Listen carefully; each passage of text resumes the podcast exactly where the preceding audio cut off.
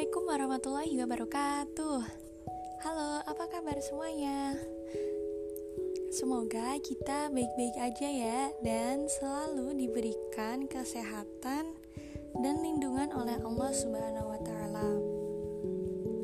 Semoga kita segera dapat menjalani aktivitas seperti biasanya tanpa ada rasa khawatir dan takut terhadap COVID-19 ini. Amin. Oh iya, aku perkenalan dulu ya. Perkenalkan nama aku Aufa Alia Dia Ulhak. Katanya orang-orang sih nama aku panjang banget ya. Tapi emang panjang sih. Waktu ujian aja ngisi kolom namanya aja aku capek sendiri. Aku biasanya dipanggil Aufa, tapi orang-orang rumahan dan tetangga aku sering manggilnya dia. Tapi aku lebih suka dipanggil Alfa sih. Aku berdomisili di Demak Kota Wali dan sekarang lagi menempuh pendidikan kuliah di Universitas Islam Negeri satu-satunya di Semarang, yaitu UIN Wali Songo Semarang.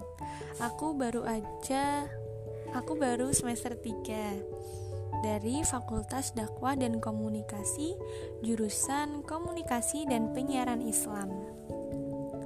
Oke, adanya podcast ini itu untuk memenuhi tugas ulangan akhir semester aku, yaitu metodologi dakwah. Jadi aku minta maaf barangkali nanti belum maksimal dalam pembuatan podcast ini ya uh, dalam ulangan akhir semester ini aku mendapatkan tema mengenai Wali Songo dan aku mendapat beliau Raden Ja'far Sidik atau yang lebih terkenalnya Sunan Kudus. Oke guys, sebelum masuk ke temanya, aku bakal jelasin ke temen-temen nih apa sih Wali Songo itu. Jadi sebelum Masuknya agama Islam di Indonesia, khususnya di tanah Jawa, wilayah Indonesia didominasi oleh agama Hindu dan Buddha yang terlebih dahulu memasuki Indonesia pada masa sekitar abad keempat Masehi. Orang-orang dari Gujarat datang ke Kepulauan Jawa dan Sulawesi membawa agama serta peradaban mereka. Kepercayaan yang berkembang di kalangan masyarakat pada waktu itu yaitu kepercayaan akan adanya sebuah unsur yang didewakan. Maka kemudian banyak sekali ditemukan peninggalan-peninggalan yang berbentuk bangunan. Nusantara pada saat itu belum mengenal Islam, merupakan masyarakat majemuk. Kepercayaan-kepercayaan yang tumbuh di masyarakat Nusantara memunculkan pola sinkreta, sinkretisasi. Sinkretisasi itu uh, sebuah penggabungan antara kepercayaan Hindu dan Buddha, di mana kita tuh sering nyebutnya dengan kejawen. Uh, kayak kejawen itu contohnya budaya yang kalau di Demak itu kayak iring-iringan gitu nanti satu surah gitu. Aku tuh lupa namanya guys. Ya langsung aja lagi. Memasuki abad ke-7 ajaran agama Islam mulai masuk ke Indonesia. Proses masuknya ajaran agama Islam di Indonesia pertama kali itu melalui masyarakat pesisir pantai utara seperti Sunda Kelapa, Banten, Demak, Jepara, dan Gresik.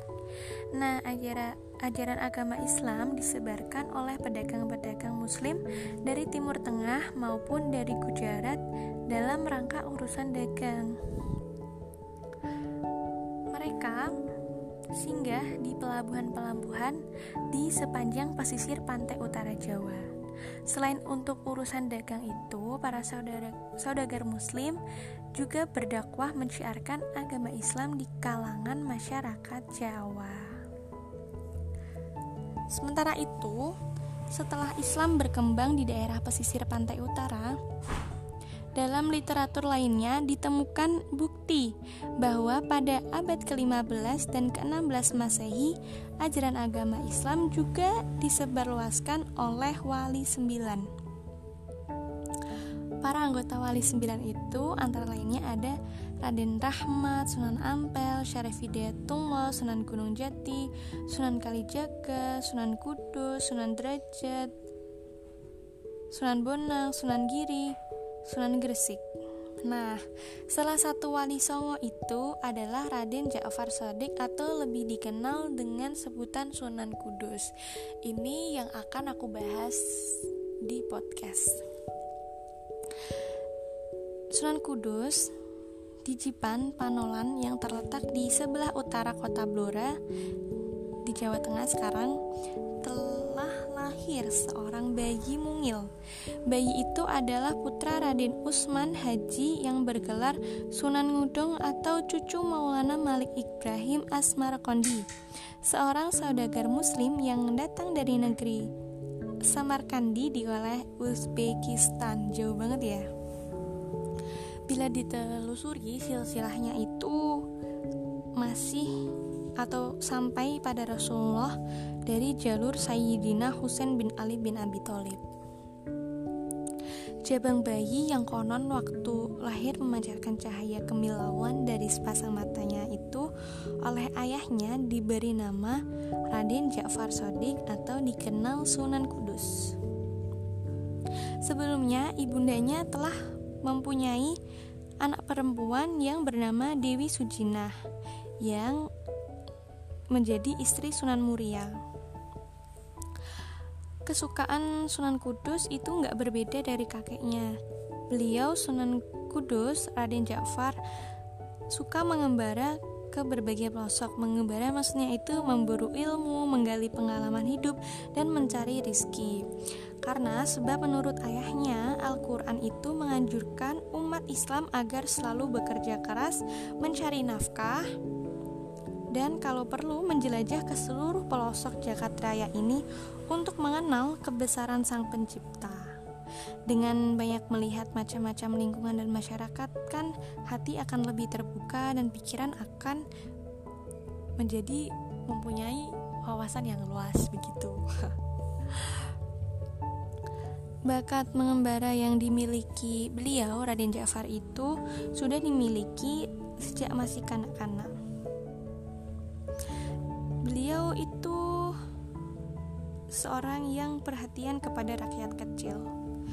Sunan Kudus atau Raden Ja'far Sodik itu sering pulang menjelang maghrib. Suatu ketika ia ditemu, ditemui oleh pelayan orang tuanya. Beliau Raden Ja'far Sodik itu sedang di pinggir kali. Kali itu sungai bersama anak-anak sebayanya. Apa yang tengah dilakukannya coba? Beliau sedang menikmati kegembiraan teman-temannya yang tadinya berpakaian compang-camping Semuanya sudah berpakaian bagus. Ternyata semua persediaan pakaian yang dianggap terlalu banyak di rumah Beliau Raden Ja'far Sodik bagi-bagikan kepada teman-teman mereka. Begitu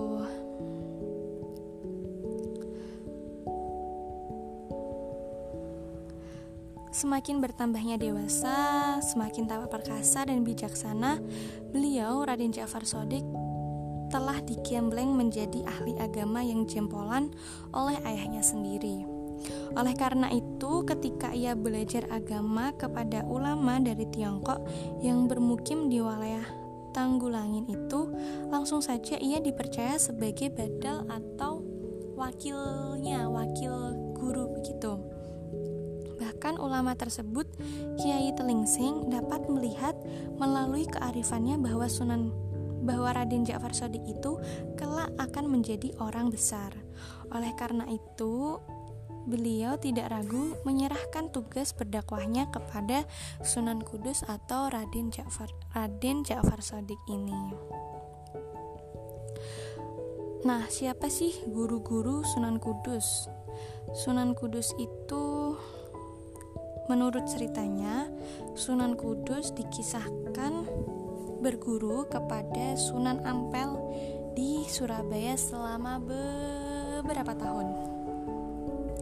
Karena ibu Sunan Kudus adalah cucu Sunan Ampel, setelah Sunan Ampel wafat, Sunan Kudus, Raden Ja'far Sodik ini belajar ke Ampel Denta di Surabaya kepada penerus Sunan Ampel.